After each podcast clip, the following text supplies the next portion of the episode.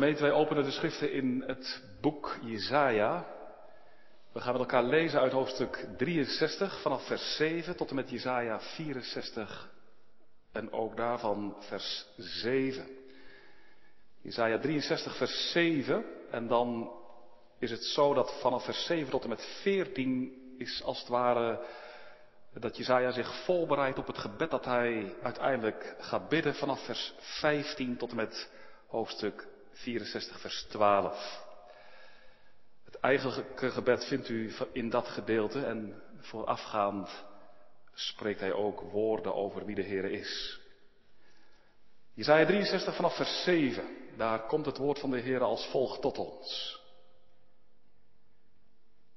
Ik zal de goedertierenheid van de Heere in herinnering roepen. De loffelijke daden van de Heere. Naar alles wat de Heere voor ons heeft gedaan. De grote goedheid voor het huis van Israël, die Hij hun heeft bewezen naar Zijn barmhartigheid en naar de veelheid van Zijn goedertierenheid. Want Hij zei, zij zijn immers mijn volk, kinderen die niet zullen liegen. En zo werd hij hun tot een heiland. In al hun benauwdheid was hij benauwd. De engel van zijn aangezicht heeft hen verlost. Door zijn liefde en door zijn genade heeft hij hen bevrijd. Hij hief hen op en droeg hen al de dagen van weleer. Zij daarentegen zijn ongehoorzaam geworden en hebben zijn heilige geest bedroefd. Daarom is hij voor hen veranderd in een vijand. Hij zelf heeft tegen hen gestreden. Toch dacht hij aan de dagen van ouds, aan Mozes, aan zijn volk. Maar nu, waar is hij die hen deed opgaan uit de zee, met de herders van zijn kudde? Waar is hij die zijn heilige geest in hun midden stelde? Die zijn luisterrijke arm heeft doen gaan aan de rechterhand van Mozes? die het water voor hun ogen doormidden spleet, om zich een eeuwige naam te maken, die hen deed gaan door de diepe wateren, als een paard in de woestijn struikelden ze niet, als een dier dat in de vallei afdaalt, heeft de geest van de Heere hun rust gegeven. Zo hebt u uw volk geleid om u een luisterrijke naam te maken. Kijk neer uit de hemel en zie uw heilige en luisterrijke woning.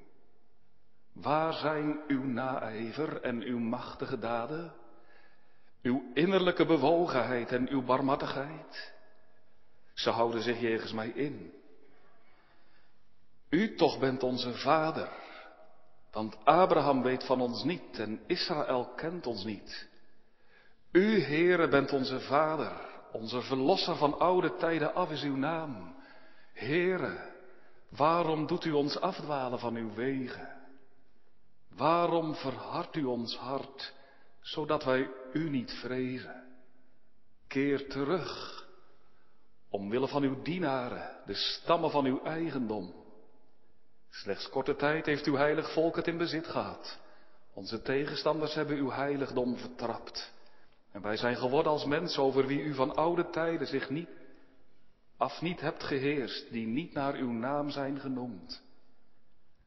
Och, dat u de hemel zou openscheuren, dat u zou neerdalen, dat de bergen voor uw aangezicht zouden wegsmelten, zoals vuur kreupelhout aansteekt en vuur het water laat opborrelen, om uw naam aan uw tegenstanders bekend te maken.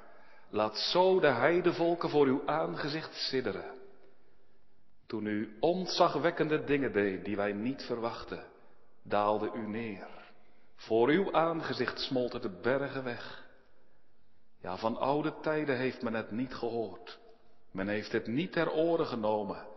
En geen oog heeft het gezien, behalve u, o God, wat Hij zal doen voor wie op Hem wacht.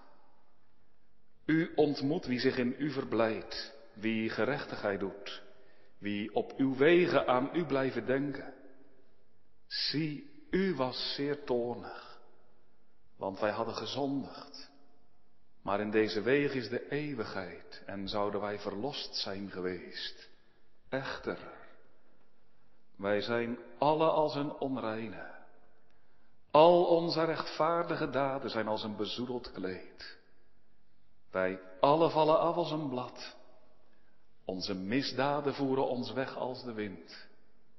Er is niemand die uw naam aanroept, die zich beijvert om u vast te grijpen. Want u verbergt uw aangezicht voor ons. U doet ons wegkwijnen in de greep van onze ongerechtigheden. Gemeente, een veelbewogen periode ligt achter ons. De periode tussen de biddag van 2020 en de biddag van 2021 van vandaag. Voor ons allen zal onvergetelijk zijn de donderdag die volgde op de biddag van afgelopen jaar, hè, toen de regering vanwege de uitbraak van corona met ingrijpende maatregelen kwam. Musea moesten dicht, hogescholen sloten de deuren en kerkenraden van veel gemeenten besloten voortaan op zondag met maximaal 100 mensen samen te komen. En niet lang daarna volgde de eerste lockdown en ging de samenleving zo goed als helemaal op slot. De onzekerheid onder de mensen was groot. Wat gaat er gebeuren? Wat zijn de gevolgen voor de volksgezondheid? Hoe groot is de schade voor de economie? Beelden van ziekenhuizen die volstroomden met covid-patiënten. Mortuaria die kampten met ruimtegebrek. De beelden maakten op ons allemaal onuitwisbare indruk. Regeringsleiders spraken wel over hè, de grootste crisis sinds de Tweede Wereldoorlog.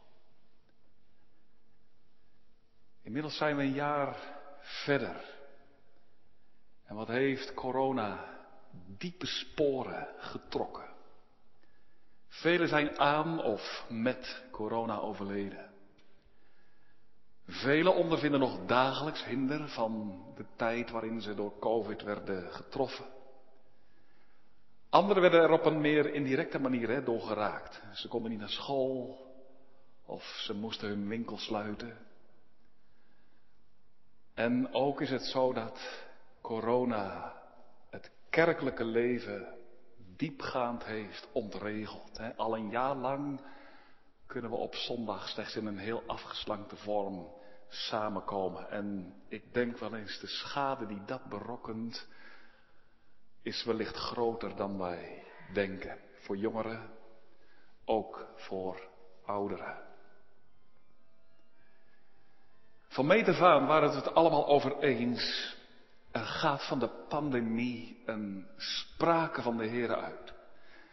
Hij zei ze, klop op de deur van ons aller hart. De Heer roept op tot bekering. En ieder van ons persoonlijk. Onze gezinnen. Onze kerkelijke gemeente. Onze samenleving. Onze overheden. De vraag die we ons moeten stellen. En ik hoop ook dat u zich die vraag ook stelt. Is, hebben we er gehoor aan gegeven? Aan die oproep van de Heer. Ben je erdoor op je knieën gebracht? Heeft het je geleid tot inkeer? En tot een afkeer van de zonde? En tot een terugkeer naar de Heer met de beden op je lippen. Bekeer mij, Heer, want dan zal ik bekeerd zijn. Of is dat niet zo? Is het anders? Zijn we misschien wel een beetje onder de indruk geraakt, zeker ook in de eerste tijd, maar heeft het niet geleid tot verbreking van ons hart en tot verootmoediging? Is het misschien veel eer zo dat het tegendeel uiteindelijk toch het geval is, namelijk dat het je niet heeft verbroken, maar dat het je heeft verhard? Het is precies waar ook de profeet Jezaja de vinger bij legt en wat hem zelf in zijn dagen zo intens heeft bezig gehouden. Verharding, Wat hij bij het volk waarvan hij deel uitmaakte waarnam. Verharding. En het bracht de profeet in grote nood en het dreef hem uit naar zijn bidvertrek. En daar horen we hem uitroepen, wat we samen zojuist hebben gelezen, hoofdstuk 63, vers 17. Heere, waarom doet u ons afdwalen van uw wegen? Waarom verhardt u ons hart, zodat we u niet vrezen? Keer terug, omwille van uw dienaren, de stammen van uw erfdeel. Het zijn deze woorden waarbij we vanavond met Gods hulp willen stilstaan. Deze klacht en ook het gebed van de profeet. Jezaja 63, vers 17. Heere, waarom doet u ons afdwalen van uw wegen? Waarom verhardt u ons hart, zodat wij u niet vrezen? Keer terug, omwille van uw dienaren, de stammen van uw erfdeel. Thema voor de prediking, hartekreet naar het hemelhof. Want dat zijn deze woorden. Hartekreet naar het hemelhof.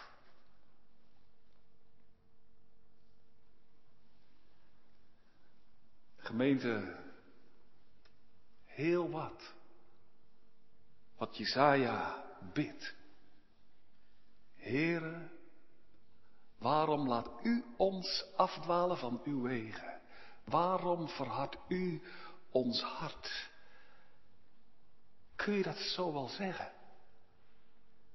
Mag de profeet dit wel zo onder woorden brengen? Waarom doet u ons van uw wegen afdwalen? En waarom verhardt u ons hart zodat wij u niet vrezen?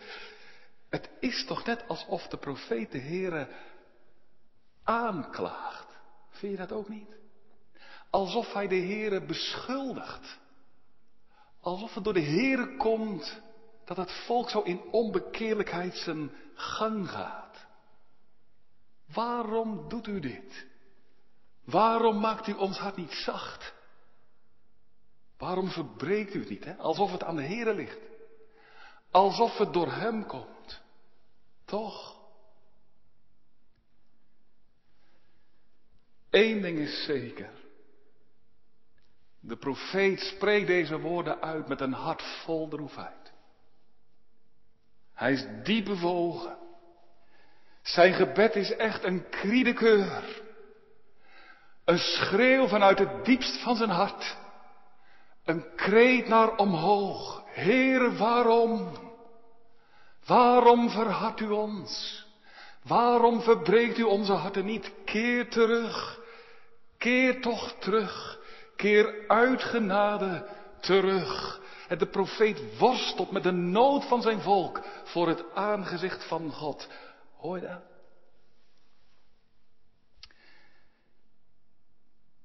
We weten niet precies wanneer de profeet, welke omstandigheden de profeet voor ogen heeft, hè, als hij zijn hart zo voor de Heer uitstort. Wat we wel weten is dat de profeet leefde zo'n 700 jaar voor de geboorte van de Heer Jezus. Hij heeft een profetenschool in Jeruzalem.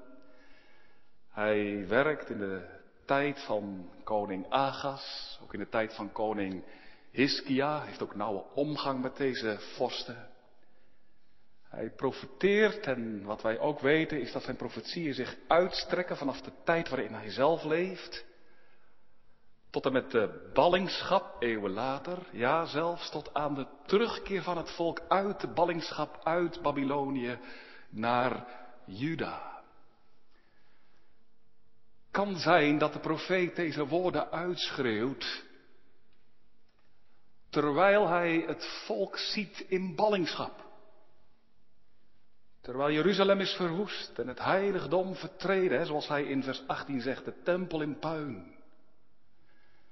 Kan ook zijn dat hij deze woorden uitspreekt terwijl het volk inmiddels weer is teruggekeerd en dat hij het volk zo in de geest als het ware voor ogen ziet.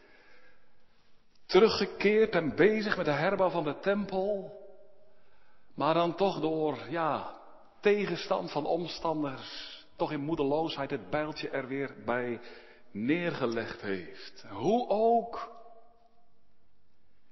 Jezaja ziet in de geest visionair het volk van Juda voor ogen En als hij dan het volk zo ziet, dan wordt zijn hart vervuld met verdriet. Verdriet. Waarom? Omdat hij ziet dat het volk, en dat grijpt hem zo aan, afdwaalt van de wegen van God. Want dat is wat hij zegt, hè? Hij spreekt in vers 17 over het afdwalen van uw wegen. En van uw inzettingen. Van uw geboden. Van uw woord. Van uzelf. Van u die zo onuitsprekelijk goed bent. Dat raakt Jezaja zo diep. Het volk dwaalt van God af. Ja, dat raakt hem, want als wij de Heere de rug toekeren, Hem verlaten, dat onteert de Heere.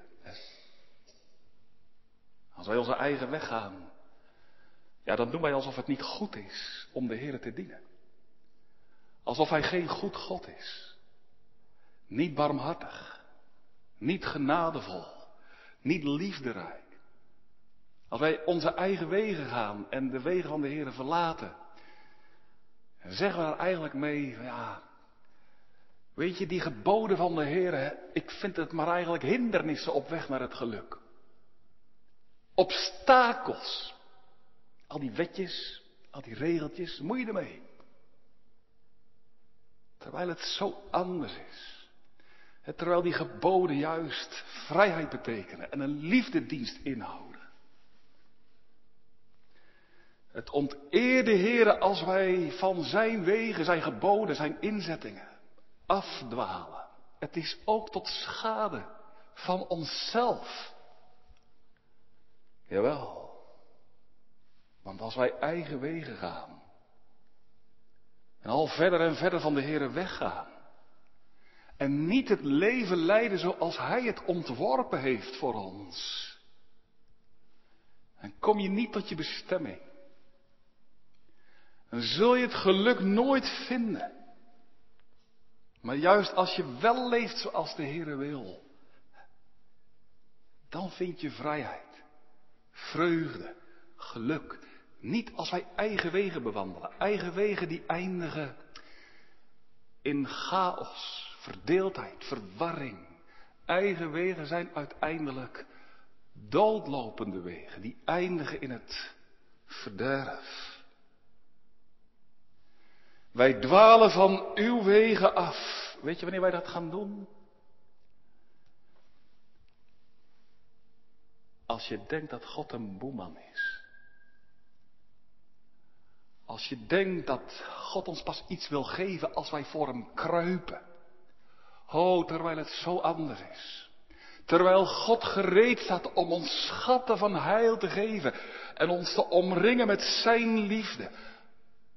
Als wij maar zouden willen erkennen dat we zondaren zijn, aangewezen op Zijn genade. Wij dwalen af van uw. En Jezaja ziet dat voor eigen ogen gebeuren. En wat hem nu zo ontstelt, is dat het volk zich maar niet tot inkeer laat brengen. Nee, integendeel is geen berouw, geen bekering, geen terugkeer. Verharding. Dat is wat Jezaja ziet. Verharding. Mensen worden al harder. En harder. En harder. Oh, wat erg. Wie zou niet wenen? Al harder. Ze smelten niet als een ijsblokje onder het licht van de zon, maar precies andersom. Ze drogen uit als natte modder, tot hard, al harder. O Jezaja heeft het volk vele malen tot bekering opgeroepen, met ernst, met liefde, in bewogenheid. Hij heeft vriendelijk genodigd en gelokt. Laat ons te samen richten, al waar uw zonden als gelaken ze zullen worden, als witte sneeuw. Hij heeft het volk gewezen op de goedheid en de genade van de Heer. Hij heeft het volk ook gewaarschuwd. Gedreigd ook met oordelen. Maar wat Jezaja ook deed, of hij nu op de fluit speelde of klaagliederen zong, het had geen effect. Haan Enkeling keek heel even op. Ontroerd. Maar vrijwel iedereen ging daarna weer over tot de orde van de dag en pakte de draad van het alledaagse leven weer op. Verharding. Betekent dat je al ongevoeliger en ongevoeliger voor het woord van God wordt. totdat het je uiteindelijk niks meer zegt. Krijg je eelt op je ziel. Dan komt er een korst omheen. Dan wordt je hart vet. Zo zegt de Heer het zelf ook, als hij Jezaja roept, hoofdstuk 6, vers 10. Heel aangrijpend. Maak het hart Jezaja van dit volk vet. Maak het ongevoelig. Het gebeurt hè, als je eigenlijk altijd bezig bent met de dingen van de tijd. Als jij helemaal laat inpakken door de zorgvuldigheden van het leven en de begeerlijkheden van de rijkdom. En ja, nagenoeg eigenlijk geen acht meer slaat op het woord. Op wat de Heer tot je zegt. Het woord overdag nagenoeg ook dicht laat. Ja, je leest nog wel een stukje, maar het woord kan geen ingang vinden bij je. En dan word je ongevoelig. Dan gaat het besef van heiligheid ook tanen. Dat raak je kwijt. Besef dat God er is. Die ziet. Voor wiens aangezicht je leeft. God. De Heilige. Die volmaakt is. Die met de minste zonde niet overweg kan. Die, Psalm 7, alle dagen toornt vanwege de zonde. Dat besef dat gaat, gaat kwijnen. En als er sprake is van verharding, ja, dan trekt de Heilige Geest zich meer en meer terug. Dan doet het woord nauwelijks nog kracht. Het legt geen beslag meer. De wet verschrikt niet. En het evangelie verkwikt niet. Dat er overvloeiende genade is voor de grootste der zondaren. En dat is er ook vanavond. Het laat mensen eigenlijk nagenoeg koud. Ze kijken er nauwelijks van op. Het verwondert ze niet. Ze zijn er niet blij mee. Weer hetzelfde manna. Weer de rechtvaardiging van de goddeloze door het geloof alleen. Altijd dezelfde kost. Snap je? Het verheugt het hart niet meer. Het raakt niet. Als het oordeel van verharding kerken of samenlevingen treft, dan worden er nauwelijks meer mensen bekeerd. Dan worden er nauwelijks meer mensen in de boeien geslagen. Ontdekt aan zonde en schuld. Dan komen er geen mensen meer in de klem. Iedereen is eruit. Behouden zonder in het water te hebben gelegen. Dan klinkt de schreeuw niet meer van McChain. Mijn ziel, doorzie je je lot. Hoe zul je rechtvaardig verschijnen voor God? Dan komen er ook geen mensen meer in de ruimte. In de vrijheid. Die een heldere blik mogen slaan op Jezus Christus en die gekruist. En die mogen geloven, o ook voor mij is hij de weg naar het kruis gegaan. En die huppelen van zielenvreugd. En die het elkaar toeroepen, hoor wat mijn God deed ondervinden. Wanneer heeft u het la, voor het laatst iemand gesproken en gezegd, hoor eens. Hij is aan mij verschenen die mijn ziel lief heeft. Ik heb hem gevonden, het lam van God, dat de zonde van de wereld wegdraagt. O, als er verharding optreedt, hebben mensen nauwelijks nog enig besef van wat zonde is. Ze willen zich er ook niet door laten aanspreken, op laten aanspreken. En mensen willen echt dan gewoon zelf doen waar ze zelf zin in hebben. Raken niet verontrust over hun heimelijke zonde. Dus je zit eigenlijk niet mee. De verkeerde gedachten in hun hart, ach ja. Ook niet verontrust zelfs over hun openlijke zonde. Moet ik toch zelf weten. Ook niet meer verontrust over de zonde van anderen. Ja, dan moet die man zelf maar, uh, zelf maar zien. Dat is zijn zaak. Ieder het zijne. Nou, dat is wat Jezaja waarneemt. O zeker, dat is ook nog wel religie. Volop. Hij leest Jezaja 58. Mensen bidden. Mensen vasten zelfs. En dat staat er. Wij brengen vasten. Wij vasten. U ziet het niet eens aan, heren. Nee, dat komt omdat het een zelfbedachte godsdienst is, een oppervlakkige godsdienst. Niet van boven naar beneden, maar van beneden naar boven. Waar het wonder van ontferming van God over de grootste der zondaren niet in doortintelt. Niet voor niets zegt Jezaja in hoofdstuk 64 vers 6. Onze gerechtigheden zijn als een wegwerpelijk kleed. Onze vroomheid. Onze godsdienstige verrichtingen. Wegwerpelijk kleed. Niks aan, niks aan. Op de keeper beschouwd is het heel anders, vers 7.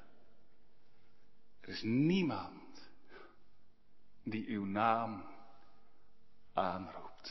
Niemand, in algemene zin gesproken, hè, bedoelt Isaiah.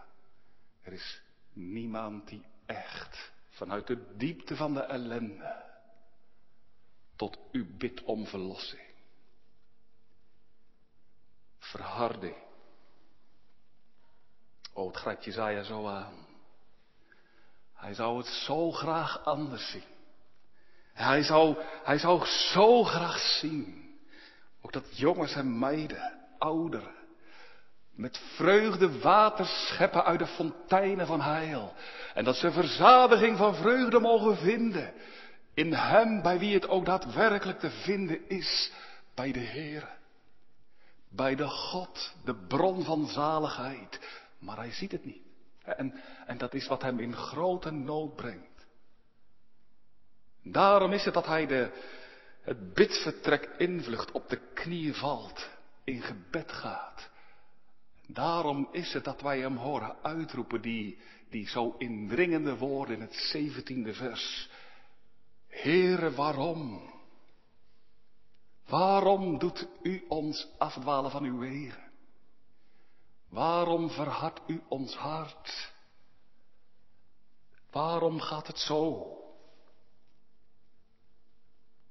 Hoor je de klacht, bittere klacht in de woorden van Jezaja.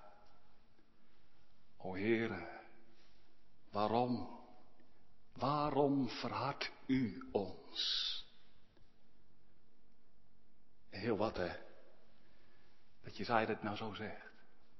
Vind je dat ook niet?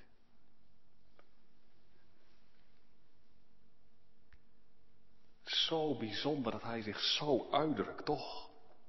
Het, ogenschijnlijk geeft hij de Heer er de schuld van. Zie je dat? En zo lijkt het toch? En zo klinkt het alsof hij zegt, Heer, het komt door u. u bent er debet aan. Is dat ook wat Jezaja wil zeggen? Heren, u bent er de oorzaak van. Heren, het is uw hand waardoor ons volk, wij zelf in onbekeerlijkheid voortleven. Is dat wat Jezaja bedoelt te zeggen? En geeft hij de Heren de schuld van de onbekeerlijkheid van het volk?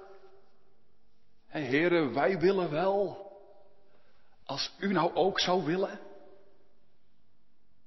Ah, je voelt wel aan, hè? dat is niet wat Jezaja bedoelt.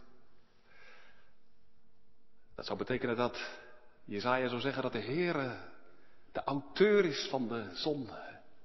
Dat kan natuurlijk niet. Dat is ook niet zo. God is niet de bron van het kwaad. En wat bedoelt Jezaja wel? Wel, Jezaja ziet Dat volk, hè, dat gaat nou maar door. Dat leeft nou maar door in de zonde. Dat is gewoon niet te stoppen. Niet te stuiten. Het weigert gewoon tot inkeer te komen. Jezaja ziet het en, en hij beseft in feite, oh, dat is nou de mens. Dat is nu wie wij zijn. Zo verdorven. Niet te stuiten. Als God niet ingrijpt, dan gaan we maar door en dan gaan we maar door. Alleen als God ingrijpt, dan komen we tot stilstand. Alleen als God interveneert, tussen beiden komt, dan. Als God dat doet uit genade alleen, hè, want als God dat doet, dan kan het alleen door genade. Maar alleen als God het doet, dan zijn we in onze loop te stuiten, maar anders. Al verder en al verder van God vandaan. Dat is wat Jezaja ziet. Volk gaat maar door en dat gaat maar door.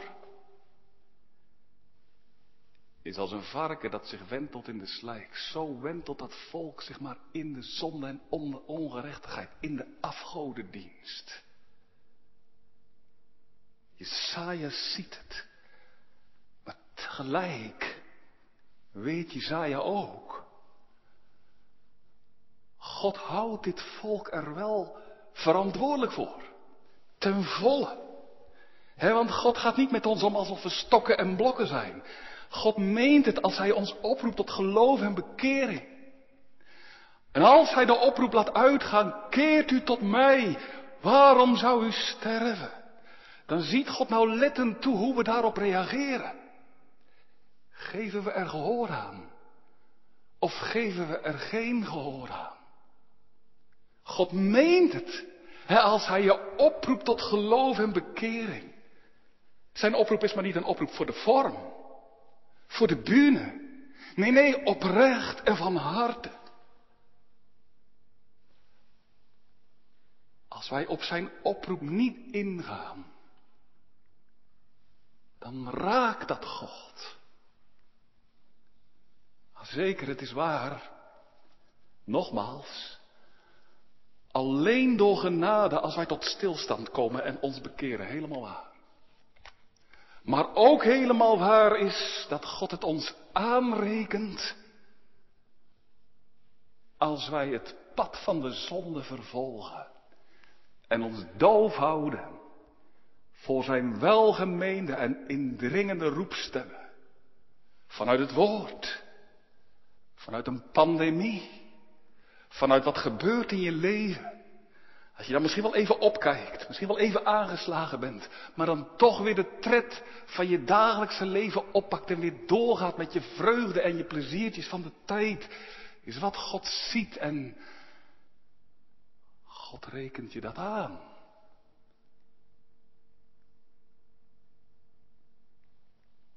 Dan bedroef je de Heilige Geest. Dan doe je de Heilige Geest smarten aan. En als je dat doet, dan gaat God je meer en meer overgeven aan verharding. En dat is wat Jezaja ziet. Het is niet de schuld van God. Wij doen het. Omdat wij onze oren toestoppen en niet met een verbrijzeld hart aan zijn voeten neerzinken. En maar doorgaan op de weg die we zijn ingeslagen. Paulus spreekt er zo ook over, hè, Romeinen 1. Hij zegt, wij hebben de heerlijkheid van God veranderd in beelden. En daarmee hebben wij God onteerd en verlaagd. En omdat wij God zo hebben onteerd en verlaagd, geeft God ons over aan onszelf. En wat gebeurt er dan? Romein 1. Gaan wij elkaar verlagen en onteren. Dat is het gevolg. Als wij God verlaten, dan, dan zegt God van, nou, dan laat ik uiteindelijk de teugels los. Ga, ga dan. En dan gaat het van kwaad naar erger. Paulus spreekt ook zo in 2 Thessalonicense 2, vers 11. Hij zegt, als wij de waarheid van God niet aannemen, de waarheid die God ons laat verkondigen tot zaligheid, als wij die verwerpen, dan, zegt Paulus, zendt God ons een krachtige dwaling. Waardoor wij de leugen gaan geloven. Is wat gaande is. In de kerk. Oordeel van verharding. Is wat Jesaja ziet. God rekent het ons aan als Hij tot ons komt met een aanbod van genade. En wij willen er niet van leven omdat we er te goed voor zijn. Gaat hij ons meer en meer overgeven aan verharding. En dat is wat Jezaja ziet. En hij weet heel zeker, dat is eigen schuld. Eigen schuld, dat ligt niet aan God. Hè, dat ligt aan ons. God verlaat ons omdat wij God verlaten. God geeft ons over aan de verharding. Omdat wij weigeren tot inkeer te komen. God laat het daarom toe. Nu, het is deze nood. Het deze nood van ongeloof en onbekeerlijkheid. Waarmee Jezaja op de knieën gaat. En hij ziet het. Uiteindelijk is het de Heere alleen die uit genade deze spiraal van zonde kan doorbreken. Het hangt uiteindelijk van God af. Van zijn genade, van zijn genade alleen. Van eenzijdige genade. Maar hij ziet ook, God is dat natuurlijk niet aan ons verplicht. God kan met ons, met ons, met recht en reden aan onszelf overlaten. Maar oh, dan roept Jezaja uit. Maar heren, u bent toch ook genadig? Dan doet hij een appel op de genade van God. Heren, u bent toch ook genadig, groot van goede tierenheid. Dat hebt u toch in het verleden laten zien dat u dat bent, als u het toen was, heren. Bent u het dan nu niet meer? O daarom verhard ons niet langer. Waarom zou u dat wel doen? Waarom zou u ons overgeven aan het oordeel van de verharding? Rechtvaardig. Maar waarom zou u ons niet, heren, genadig zijn? Keer terug. Keer terug. Als u terugkeert, heren, dan schittert uw goedheid en genade toch des te meer. Zie, is de bede van Jezaja. Zijn klacht, ook zijn gebed. Hij wendt zich met het rechtvaardig oordeel van God niet van God af. Maar hij wendt zich naar God toe. En wijst Jezaja ons daarmee nu niet vandaag een uitnemende weg op deze middag. 10 maart 2021. Om met de ontzagwekkende nood van de kerk en van de samenleving tot God de toevlucht te nemen. Here, als u ons verder verhardt, dan doet u geen onrecht. Dan is het aan onszelf te danken. Maar waarom zou u dat doen, o Heere? U bent toch ook genadig en barmhartig. Ontfermt u zich over ons. Zie. Jezaja was met diepe zorg vervuld over zijn volk. Hebben wij ook niet alle reden om met diepe zorg vervuld te zijn. Als wij zien op het volk waarvan wij deel uitmaken. En op de kerk waartoe wij behoren. Ben je niet bevreesd hiervoor? Voor verharding. Is dat niet wat onder ons algemene zin gesproken. Maar is niet wat dit wat, wat onder ons gaande is. Wat heeft de roepstem van corona in ons leven uitgewerkt? Wat is er het effect van geweest? Hebben we de les geleerd, dat hoop ik van harte. Dat wij maar hele kleine, nietige mensen zijn. Zo afhankelijk van God. En dat God zo groot is en machtig. Maar oh, ben je er ook niet bang voor dat het oordeel van verharding zich meer en meer over kerk en samenleving voltrekt? Omdat we geen gehoor geven aan de liefdevolle nodiging van de zaligmaker om tot Hem te komen. Omdat we Christus op de hoeken van de straten maar laten staan nodigen. Terwijl Hij vriendelijk roept, wend u tot mij en wordt behouden. Wij gaan maar door en we gaan maar door. Nou, we verlangen allemaal naar een terugkeer naar het oude normaal, nietwaar? En terecht. dat we weer naar de kerk kunnen. En naar school en dat we elkaar ook weer een hand kunnen geven, toch? En elkaar weer een kus kunnen geven. Tuurlijk. Maar zo sterk je nou verlangt naar dat oude normaal. Een terugkeer daar naartoe. Is je verlangen ook zo sterk naar een terugkeer van jezelf en een terugkeer van de gemeente, van de kerk, van onze samenleving, naar de Heer. Is er bij u sprake van bekering, verootmoediging? Van welke zonde? Met welke zonde hebt u de voeten van de Heer Jezus in de afgelopen periode nat gemaakt? Heb je dat gedaan? Zo'n goede plek, hè, aan de voeten van de Heer Jezus. En daar je zonde beleiden en bewenen.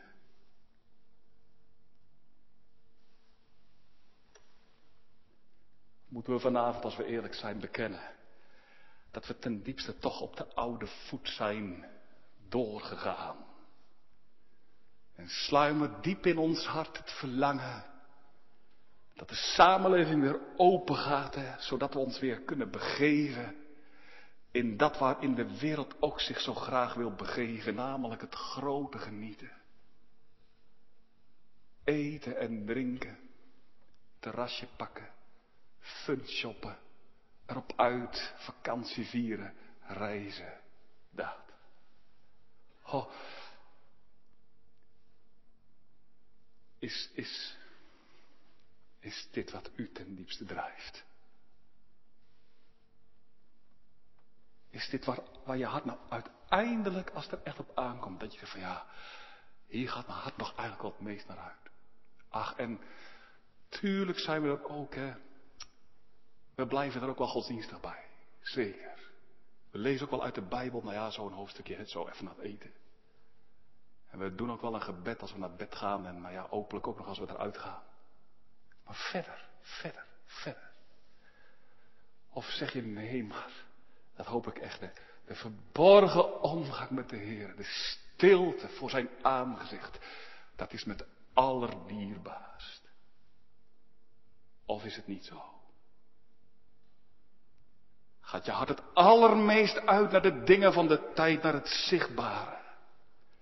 en, en, en, en zijn we dan misschien ook nog wel de gedachte toegedaan dat we dat ook nog wel kunnen combineren met geloof in de Heer Jezus? Oh, wat een vergissing. Een teken van verharding als je denkt dat je gelooft in de Heer Jezus. En je kunt tegelijk avond aan avond voor een beeldscherm zitten. En allerlei films met allerlei vuiligheid je huiskamer binnen laten komen is een vergissing, teken van verharding. Als we denken dat we God kunnen dienen en tegelijkertijd de wereld aan de hand kunnen houden. En daarom hebben we niet alle reden om onszelf af te vragen dat we als kerk en samenleving onder het oordeel van verharding terecht zijn gekomen? Heeft het er niet alle schijn van? Leven we niet in een tijd waarin alle remmen los zijn? Waarin Jezaja 5 het kwade goed wordt genoemd en het goede kwaad.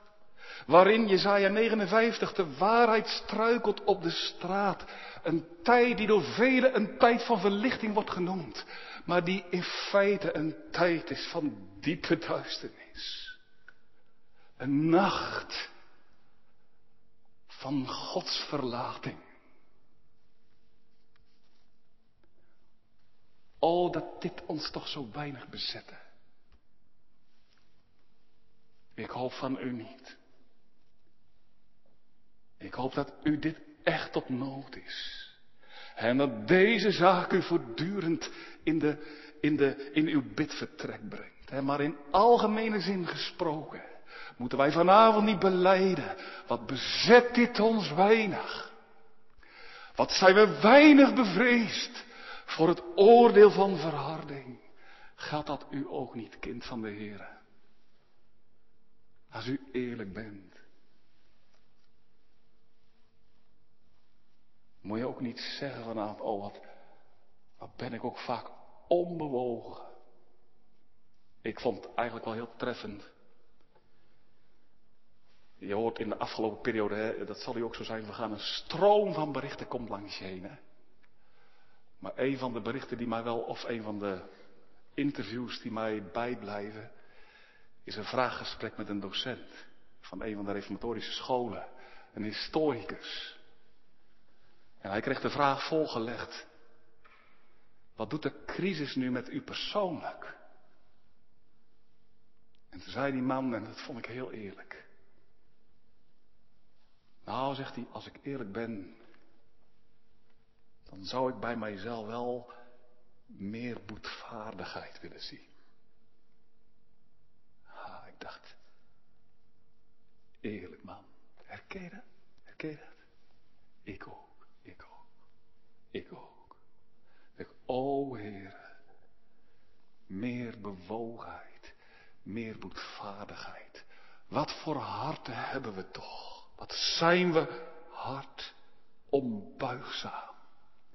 Laten we daarom juist met deze grote nood, ook die van onszelf, de toevlucht nemen tot de Heer en het Hem beleiden. O Heer, als u ons overgeeft aan onszelf, dan doet u geen onrecht. Dan kunnen we maar één iemand de schuld geven. En dat is ons eigen hart. U hebt alles gedaan, hè? U roept, u klopt, u smeekt. En wij gaan maar door. Terecht zou het zijn, heren, als u ons prijs geeft en overgeeft aan onszelf. Dan bent u rechtvaardig in uw oordeel. Maar o heren, u bent toch ook genadig en barmhartig, vol van goede tierenheid. Wilt u niet ingrijpen, interveneren, keer terug, keer terug. Raak onze jongeren en onze ouderen aan en maak onze harten week en teer en zacht. O, laten wij de troon van Gods genade, man. Daar mag u mij toe oproepen, daar wil ik u toe oproepen. Vrouw, laten wij de troon van Gods genade bestormen, zoals Jezaja. Geweld doen bij de Heer. Een appel doen op God en zijn genade. Heer, bedouw ons met uw heilige geest. Laat onze harten smelten opdat wij indrukken krijgen, diepe indrukken. Van uw heiligheid. Uw majesteit. Uw goedheid. Uw heerlijkheid. En wij ons verwonderen. Over de liefde van u in, in de gave van uw lieve zoon. De Heer Jezus Christus. Maar dat zou me toch heerlijk zijn als God dat gaat doen. Als God hart en zacht gaat maken. Week, toch? Teer. Dat is ook wat hij doet hoor. Zeker. Dat is ook wat we zien. Ook bij jonge mensen. Dat is wat God ook graag wil doen. Teer. Besef van wie God is. Teer ook hè, voor de zonde. Kinderen, moeilijke preek voor jullie, hè? Dat besef ik ook wel. Maar weet je, als de Heer nou in je hart komt en dat wil hij echt doen. Echt, dat wil ik jullie vanavond echt verkondigen. We hebben hoop voor jullie kinderen. Ik heb een woord voor jullie als de Heer in je hart komt en dan moet je hem vragen. Hè? Wil hij doen hoor. Want God is groot van goede tierenheid. Wij hebben hoop dat de Heer rijk op jullie gaat werken. Dwars door het oordeel heen. Maar het is een verschrikkelijk oordeel van verharding. Maar als God de Heilige Geest in je hart komt, weet je wat er dan gebeurt? Je ziet wel eens een slak, hè? Met die sprietjes, toch? Als je die ook maar met je vingertopje iets aanraakt, trekt die gelijk terug in zijn huisje. Als je de Heere kent en de Heer Jezus, en Hij komt persoonlijk tot je, Hij spreekt tot je vanuit het woord en je ziet Hem leidend, stervend aan het kruis, dan word je heel teer. Als je dan iemand ziet zondigen of je ziet zelf zonde bij je, dan ben je net als zo'n slak. Dan trek je gelijk terug. Zodat de Heer wil werken. Dan maakt hij je heel eerbiedig. Voor God. En elke keer als je dan zonde ziet, dan mag je ermee naar de Heer Jezus. Naar Hem. Oh, dat, dat is wat gebeurt als de Heilige Geest ons niet verhardt. Maar onze harten zacht en teer maakt. En als dat mag gebeuren, zie er nou ook niet naar uit op school vele leerlingen. Onder de diepe indruk van de heiligheid van God, overtuigd van zonde. Ja, dat is niet nodig. Ja, dat is wel nodig. Dat is wat God werkt. Maar ze dan ook mogen komen tot Hem. Die nu juist voor de zonde gekomen is, de Heer Jezus Christus. En ze springen op van vreugde. Ze mogen elkaar vertellen. We hebben Hem gevonden, de Heer Jezus Christus. Weg wereld, weg schatten, je kunt niet bevatten hoe rijk of ik ben. Dat zou me toch heerlijk zijn. Dan laten we daarom de hemel aanlopen als een waterstroom. Wat dacht je dat de Heer het niet hoort? Zeker wel. Echt hoor, hij hoort je gebed. Kan niet bidden, dominee. Bid maar, zo gebroken als wat. Hij hoort het geroep. Ja, maar onze tijd is al heel erg donker. Ik heb er eigenlijk geen moed meer op. Het is ook zo, onze tijd is stikdonker. Maar God ontsteekt juist het licht als het donker is. Dat zie je ook in de kerkgeschiedenis. Als niemand het meer dacht, hè, niemand er meer op rekent. Als alles ingezonken en in woestenij ligt. Dan gaat God werken. Echt, dan verwekt die mannen vol van de Heilige Geest. Echt hè? En dan, en dan maakt hij van die mannen leidslieden tot de Heer Jezus. En dan zijn ze tot zegen voor velen. Dat is wat God wil doen. Dat is wat Jezaja ziet. Dat schrijft hij in het gedeelte wat we hebben gelezen, vers 7 tot en met 14. Dan blikt hij terug in de geschiedenis van Israël en daar put hij moed uit. Heren, zo hebt u het gedaan in het verleden, toen wij uw Heilige Geest ook bedroefden. Heb u ons toch geleid? Wilt u het ook vandaag doen, heren? Nou, nog één ding. Dan moeten we gaan eindigen. Maar wel heel belangrijk. Slot van vers 17. Keer terug, heren, roept Jezaja uit. Omwille van uw knechten. De stammen van uw erfdeel. De profeet die wil daarmee zeggen. Doe het, heren, omwille van uw belofte aan uw knechten. Omwille van uw belofte aan Abraham, Isaac en Jacob. Omwille van uw verbond. Omwille van uw genadeverbond. Nou zie. Nou, dat is ook een machtige, kostbare pleitgrond voor ons, die ook mogen behoren bij het genadeverbond. Heren, u hebt het toch gezegd. U maakt zich bekend als een God van genade. U maakt zich bekend als een vader. Vers 16. Als een verlosser. O Heer, zo is toch uw naam. Dan zult u niet doen zoals u heet. U heet verlosser. Zult u dan geen verlossing zenden? Nu laten wij zo tot de Heere gaan. En met eerbied gesproken, hè, zijn oren inwrijven met zijn eigen woorden. Heere, u hebt zichzelf toch bekendgemaakt als een verlosser. Hoe Doe het. Verlos ons. Kom met uw Heilige Geest. Neem de verharding en de lauwheid en de vatsigheid uit ons midden weg. En dan nog één ding. Nog één ding, dat moet ik, dat moet ik zeggen, dat voel ik.